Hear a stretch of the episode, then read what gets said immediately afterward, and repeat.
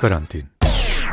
Kakve su ekonomske posledice pandemije COVID-19 i šta su naše vlasti preduzele da zaštite naša radna mesta i prihode? Koliko znamo o merama koje su preduzete i da li su adekvatne? Vlada Srbije donela je prvi paket pomoći privredi i građanima vrlo brzo po izbijanju pandemije. Međunarodni monetarni fond je u svom letošnjem izveštaju upozorio da bi u Srbiji oko 150.000 ljudi moglo da ostane bez posla ako ne bude daljih mera. U svom izveštaju za Srbiju fond je tada upozorio pre svega na pad potražnje za srpskom robom u inostranstvu, pad stranih investicija i pad doznaka, novca koji srpski građani na radu u inostranstvu šalju svojim porodicama u Srbiji. Vlada je umeđu vremenu preduzela i druge mere. Da li su dovoljne i šta nas očekuje u ovoj godini? Radio Karantin traži odgovore na ta pitanja kroz nekoliko razgovora sa ekonomskim ekspertima ove i iduće nedelje. Ja sam Aleksandar Kocić, a moj današnji gost je profesor Ekonomskog fakulteta u Beogradu Jelena Žarković.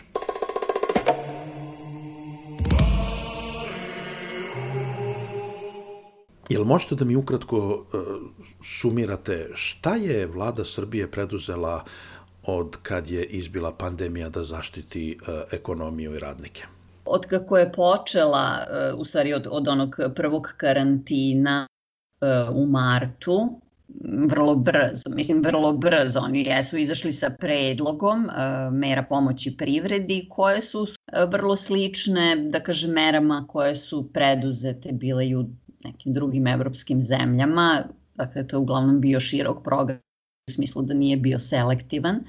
Srbija poredi recimo sa zemljama u okruženju, Zapadni Balkan, njen program je izražen kao procenat bruto domaćeg proizvoda svakako bio najveći, znači to je negde oko 5-5,5% bruto domaćeg proizvoda, s tim da ide i do 11. Zašto kažem ide do 11? Zato što se tu pored e, garancije za kredite, odloženo plaćanje poreza, e, tako da kad se sve to doda, naravno je pitanje šta, šta će od svega ovoga preduzeća da iskoriste, dakle to se proteže do nekih 11% BDP-a, što je stvarno puno. Da, i ovaj drugi paket e, bio je manji u obimu, pola minimalne zarade, ali je takođe mogla su da uzmu koje preduzeće iz privatnog sektora, dok je e, ovaj sad paket pomoći bio samo usmeren na određene delatnosti, pre svega recimo ugostitelje i tako te objekte koji će u sad ovom, da kažem, novom e, e,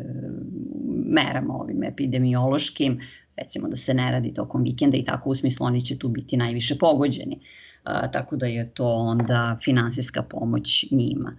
I ne samo to, bila je isto, da kažemo, od tih selektivnih mera pomoć a, hotelijerima, tako da, kažem, od, oni, od onog prvog i drugog paketa koji su bili onako generalni, za ceo privatni sektor, sad se već išlo ka selektivnim merama, što opet kažem je slično kao i što su radili i druge zemlje, Nemačka kad je najavila e, ove nove epidemiološke mere i Austrija, ja mislim, e, rekli su da će nadoknaditi promet u gostiteljskim objektima nekih recimo 80% prometa koji su imali u ovo vreme prošle godine. Koliko je merljiv efekat takvih mera?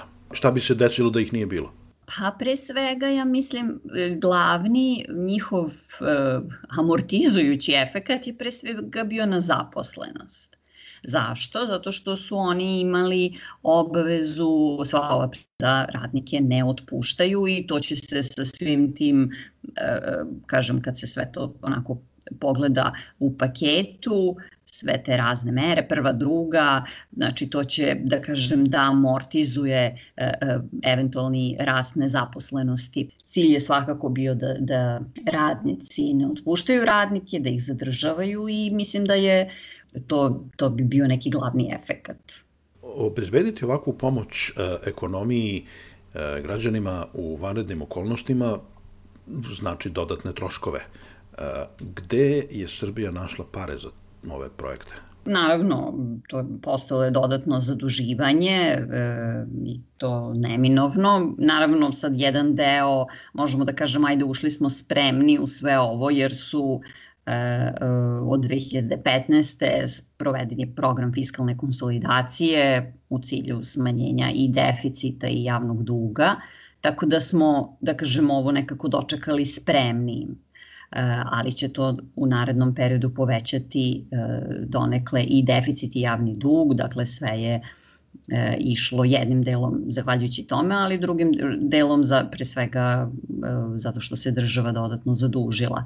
Bila je i ova mera pomoći, ovo je sve bilo naravno privatnom sektoru, preduzećima, ali bila je i ona od 100 evra koja je bila namenjena stanovništvu i koja takođe je bila univerzalna, dakle neselektivna na određene samo kategorije, tako da je i tu dosta e, novca potrošeno da, to je nešto što nisu, recimo ima par primera država koje su se odlučile za tako nešto. Amerika je, recimo, Americi je bio neki sličan program, Španci su najavljivali nešto tipa kao univerzalni bazični dohodak, ali sad to da li će se naravno u budućnosti realizovati ili ne, I to je mera koju su e, mnogi ekonomisti osudili kao praktično političku meru. Pa da, naravno, zato što su bili pre to, nakon toga izbori. Be sad, mislim, ja kad kažu političku, pa znate, ne znam šta nije politika. Mislim, sve je e, svako ko je na vlasti sprovodi svoju politiku sa ciljem, naravno, da održi neki nivo popularnosti i bude izabran u narednom periodu. Ovo, s jedne strane, mislim, namerno sam pomenula univerzalni bazični dohodak zato što se i među ekonomistima i ljudima koji se bave socijalnom politikom, e, to sve više pominje kao neka mera. Ovo je jedan primer, samo što je naravno bila jednokratna.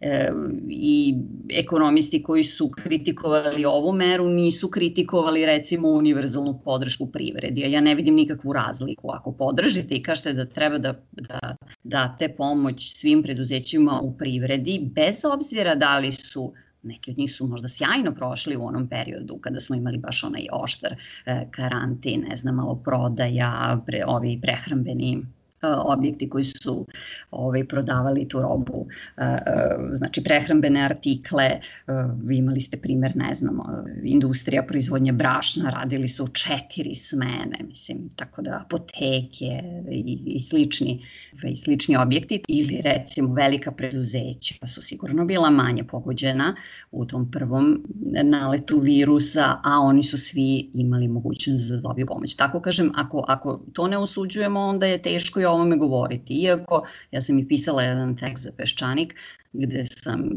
kada se, to, kada se ta mera najavila, e, rekla na koji način bi ipak mogla ta sredstva da se više usmere ka onima kojima su potrebnije, da se isključe i zaposleni u javnom sektoru, da se isključe i penzioneri, bez obzira koliko su penzije niske, ali su penzioneri takođe dobili neko jednokratno davanje od par hiljada dinara na početku. E, tako da zaposleni u javnom sektoru nisu ugroženi, barem za sada. Zato sam tamo i napisala da mislim da su oni mogli da budu izuzeti iz te mere i to je prilično lako uraditi, zato što znate ko radi. Dakle, oni i penzioneri su već 2,5 miliona ljudi. Tako da, kažem, to je moglo da bude bolje ciljano, targetirano, ali mogle su i onda i ove, mogo i ovaj prvi i drugi paket pomoći privredi. A kako se sve zemlje sada zadužuju da bi izgurale ovo što nas je pogodilo, e, koliko to zaduživanje e, treba da nas brine? Naravno, e, mi smo ovde i dosta i kada su sprovedene mere fiskalne konsolidacije 2015 dosta se pričalo o tome i sad već postoje neke bojazni da, da će nove mere štednje uslediti ne samo kod nas, globalno je to sad, se vodi rasprava o tome da li nas posle ovoga očekuju nove mere štednje. Da li treba da se brinemo za to zavisi od toga kojom brzinom se bude oporavljala privreda, jer javni dug se izračunava kao udeo u bruto domaćem proizvodu. Pa ako mi uspemo da se e, brže oporavimo i sam taj javni dug neće biti e, toliko problematičan. Ali e, ono što mislim da, i tu je recimo iskustvo Engleske pokazalo koja je imala mere štednje pa skoro čitavu jednu deceniju, ukoliko je to ostavilo loše socijalne posledice i recimo po finansiranje javnog sistema e, zdravstva i uopšte na nivo nejednakosti, siromaštva, E, tako da mislim da treba o tome voditi računa ako se uopšte jednog dana bude ponovo razmišljalo o tome da li da se to udi i kako da se to uopšte e, e, e, dizajnira ako javni dug, da kažem, dođe do tih nivoa da to bude problematično i da opet moraju da se primenjuju neke mere štednje. I pošto kažemo da su u najvećoj meri zemlje sada oslanjaju na dodatno zaduživanje, trenutno su relativno povoljni uslovi na svetskim tržištima kapitala, Kažite mi, s jedne strane, znači, cena novca praktično zavisi od toga kolike su kamatne stope na tržištima kapitala i od kreditnog rejtinga jedne zemlje.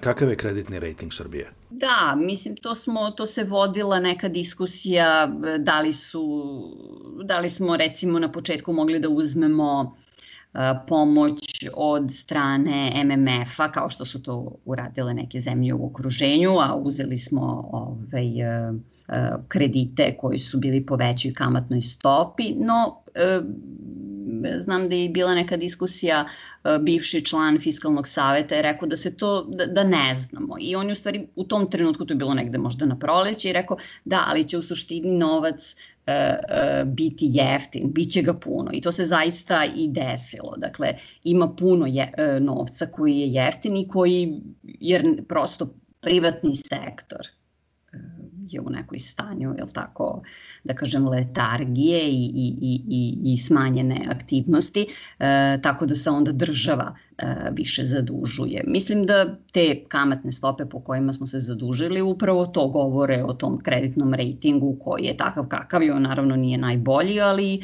je pristojan i od nekih zemalja u okruženju, evo čak i bolji. Sad smo čuli kako se i Crna Gora morala da zaduži nova vlada uh, jer su pogođeni, bruto domaći proizvod je značajno pao, propala im je uh, letnja sezona, a imaju, dosta su se zadužili po osnovu kredita koje su uzeli e, od Kine za, za finansiranje onog autoputa, tako da se sada već javni dug približava i 100% bruto domaćeg proizvoda. Eto, tako da je sad Srbija uspela po nešto bolje stopi od Crne Gore, ali sve je tu to nešto, da kažem, manje više isto. E, evo, ja sam ovde u Britaniji. E, Britanija jeste velika ekonomija, ali to je ekonomija koja se uglavnom oslanja na usluge i onda su te usluge u velikoj meri pogođene ovim karantinskim merama.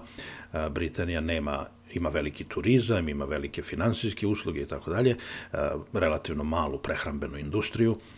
Šta su specifičnosti e, srpske e, strukture, srpske ekonomije koje su možda doprinale da ovaj e, posledice pandemije ne budu tako e, velike, tako krupne kao što bi inače mogle da budu? E, znate kako, i kod nas su usluge najviše pogođene i mi smo se, da kažem, ne samo ona transformacija privrede koja je usledila nakon 90. gde je e, značaj industrije e, u smislu njenog učešća u brutodomaćem proizvodu e, opao dakle usled tranzicije, nestajali su poslovi u tom sektoru, ali smo se mi nekako, da kažem, taj talas rasta značaja usluga za bruto domaći proizvod se naravno preneo i kod nas. Tako da, e sad, pošto ovo ipak specifična kriza, zdravstvena je kriza, dakle nije ovde nastala kriza u samoj privredi, nego prosto bila je eksterna u odnosu na privredu e, i zbog prirode krize, činjenice da e, se radi o virusnoj infekciji i onda ljudi ne mogu, jel tako, stradaju one delatnosti gde postoji i veća interakcija interakcija između ljudi. Ali, ali izvinite što se prekidam, ali hteo sam da kažem, Srbija, Srbija e, ne, se ne oslanja u toj meri na turizam u kojoj se oslanjaju Crna Gora ili Hrvatska, a ima ogromnu prehrambenu industriju, što je, pretpostavljam, veliki bonus. To zašto predviđaju da će Srbija ove godine bruto domaći proizvod opasti do 2%, to je upravo zato što, eto, nemamo kao Crna Gora ili Hrvatska e, turizam ne učestvuje toliko u bruto domaćem proizvodu, a kriza je to takva da je pogodila najviše tu delatnost. E, što se tiče prehrambene industrije, pa čak i tu, mislim, u onom prvom talasu, e, recimo poljoprivredna proizvodnja, nisu mogli ljudi da se kreću. To je isto, e, došlo je do određenog usporavanja aktivnosti, ali naravno ne toliko koliko, ne znam, usluge smeštaja ili recimo transport, međunarodni transport isto je dosta trpeo jer prosto su kretanja ljudi su ograničena. E sad kažem, jedino eto to što je srećna okolnost što E, e, nama i broj zaposlenih u turizmu i uopšte doprinos turizma bruto domaćem proizvodu je mali, pa e, nećemo doći u istu situaciju kao zemlje koje umno, mnogo zavise od toga. Takođe, voljno-trgovinski partneri koji su sami bili više pogođeni ovim kao recimo Italija, onda tačno se i vidi u podacima e, da je recimo izvoz u Italiju najviše opao, ali nešto manje u Nemačku, ne znam, Rusiju. I kažete mi, evo, spomenuli ste BDP, koji bi mogao da padne za 2%, inače je u Srbiji rastao, išao na gore već duže vreme. Šta to znači običnom građaninu? Šta to znači jednoj prodavačici u minimarketu u Zaječaru? A, mislite kretanje bruto domaćeg proizvoda? Da, ako BDP padne za 2%, to, kako to pogađa a, vas ili vaše komšije? Naravno, zavisi i gde radi. Recimo, Međunarodna organizacija rada je nedavno objavila jedno istraživanje za Srbiju gde je procenila to koji će sektori biti najviše pogođeni. Pomenuli ste eto, prodavačicu, Uprkos tome što u onom prvom talasu, naravno, ljudi su u onoj panici krenuli da gomilaju zalihe i da kupuju, ali sad već, znate, svako ima neki svoj kućni budžet, kalkuliše, neizvesnost je, ne zna da li će sledeće godine imati posao i to se u stvari već isto e, e odražava i na promet ovih trgovina, u smislu da je manja. Ako je promet manji, znate, e, pitanje koliko će oni, koliko će ljudi tu uspeti da zadrži e, svoje poslove. Tako da Naravno, taj pad BDP-a znači da će i neki poslovi e, nestati i to će se odraziti konačno na, e, i na nivo siromaštva, na to koliko ljudi e, uopšte, kakav im je dohodak. Tako da, i samo sam ovde još htela da kažem, da, pored tih nekih sektora za koje oni predviđaju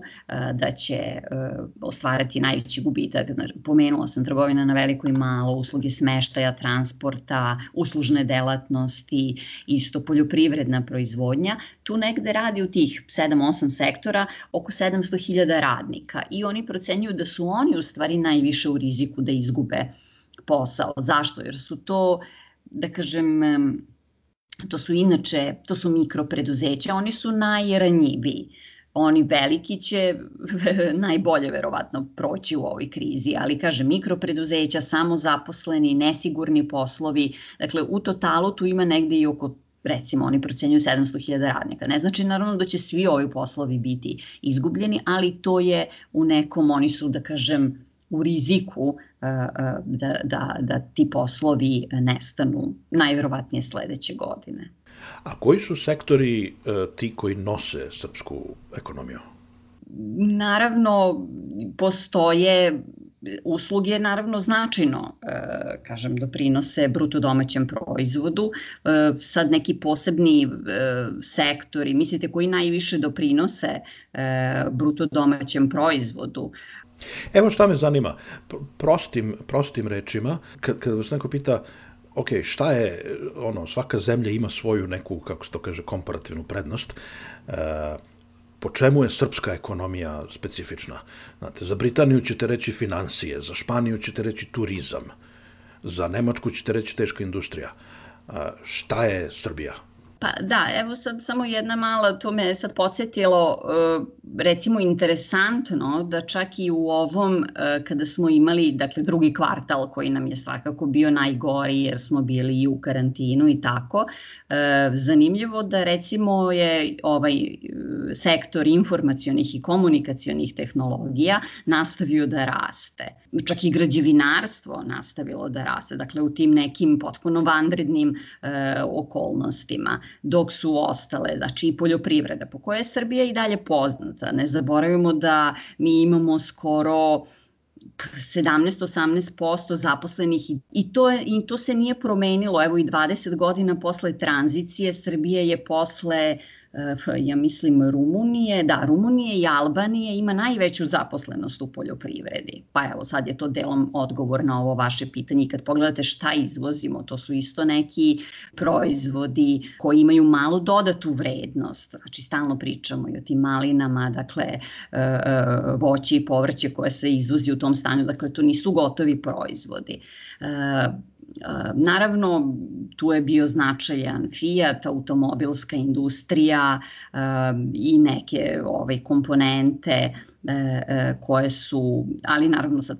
pitanje je i šta će ta kompanija i na svom, da kažemo, ono, globalnom nivou ima neka spajanja, restrukturiranje i šta će biti sa tim u Srbiji, ali on je isto bio jedan od značajnih izvoznika i ono po čemu smo bili prepoznatljivi.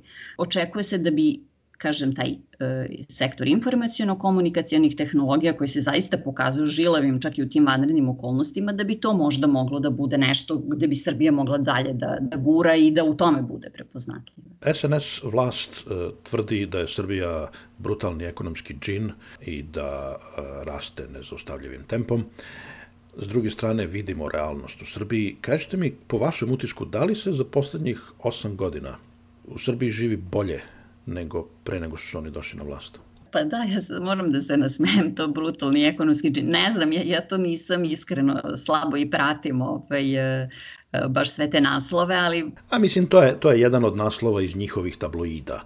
Ovaj, ne sećam se da su oni sami rekli, ali u suštini njima su puna usta ekonomskih uspeha, što je u redu, svaka vlast će to da fura, ali realno, da li se u Srbiji živi bolje nego pre 8 godina? Da li vi živite bolje?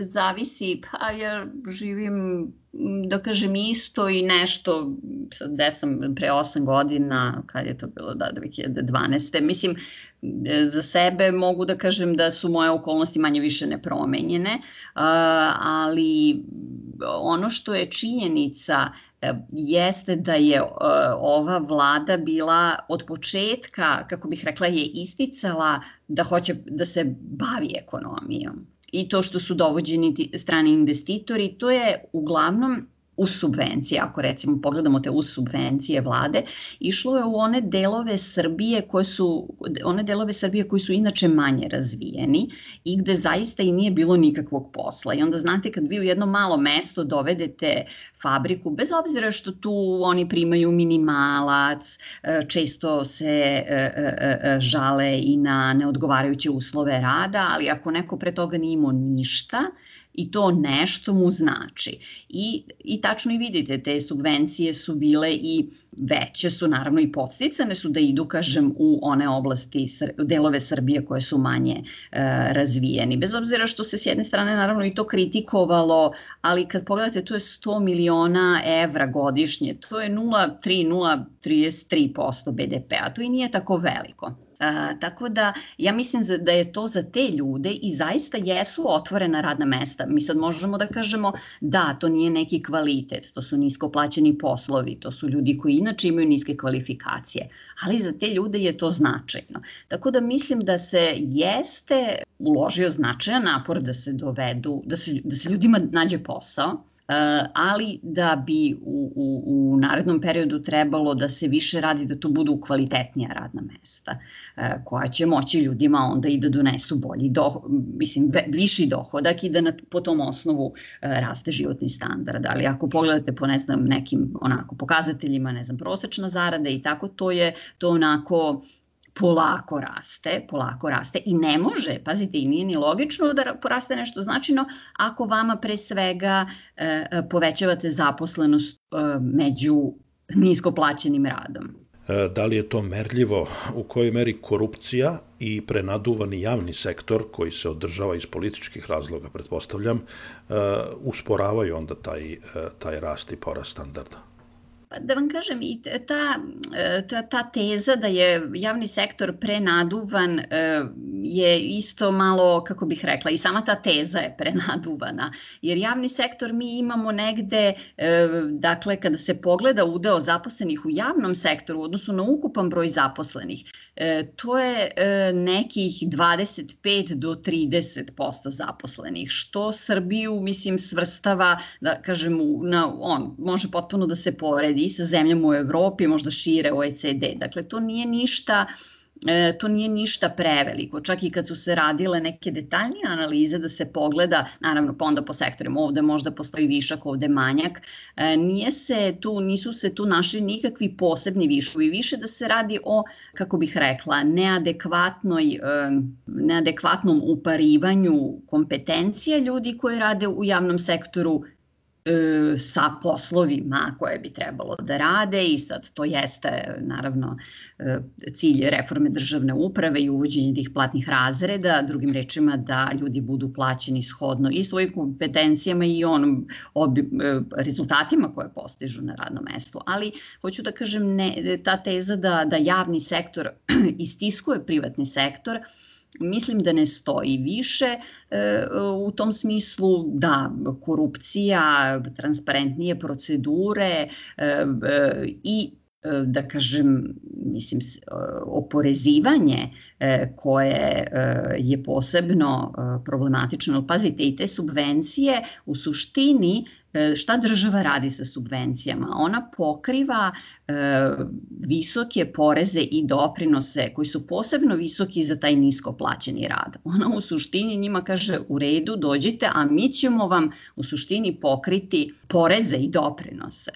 Znači, upravo se o tome radi. E sad, E, tako da kroz, e, ja mislim, reformu tog sistema koji nije promenjen poslednjih 20 godina, e, mi bismo mogli da pomognemo privatnom sektoru, dakle da ga rasteretimo posebno u tom delu poslova koji su inače nisko plaćeni, minimalna zarada je za svakog poslodavca, u stvari koliko god znate za radnika je ona niska, to je 30.000 mesečno neto, ali taj radnik poslodavca košta 48.000, ne 30, nego 48.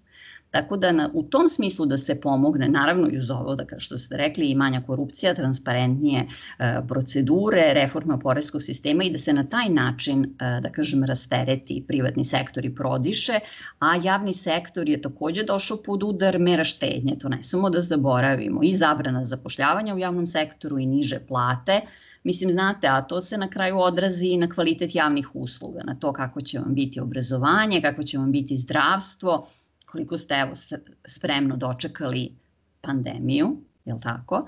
Ove, I onda smo videli da smo otkrili da smo potpisali sporazum sa Nemačkom da šaljemo e, medicinske sestre od 2012. na ovamo, pa se onda u sred epidemije setili da možda raskinemo taj sporazum jer smo videli da su nam potrebne a od 2015. zabranili novo zapošljavanje u javnom sektoru, tako da kako bih rekla, privatni sektor i njemu je u interesu da javni sektor nudi kvalitetne usluge, jel tako, da oni jedni drugi, da kažem, e, pomažu. Jelena Žarković u razgovoru za Radio Karantin.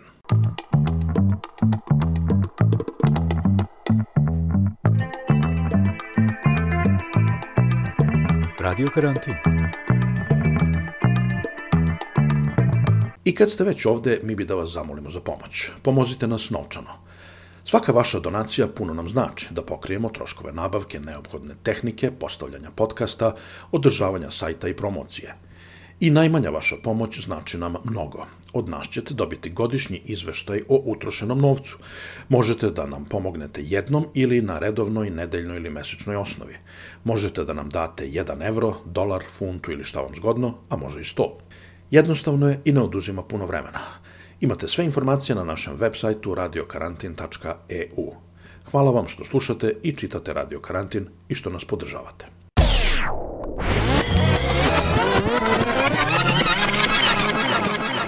Radio Karantin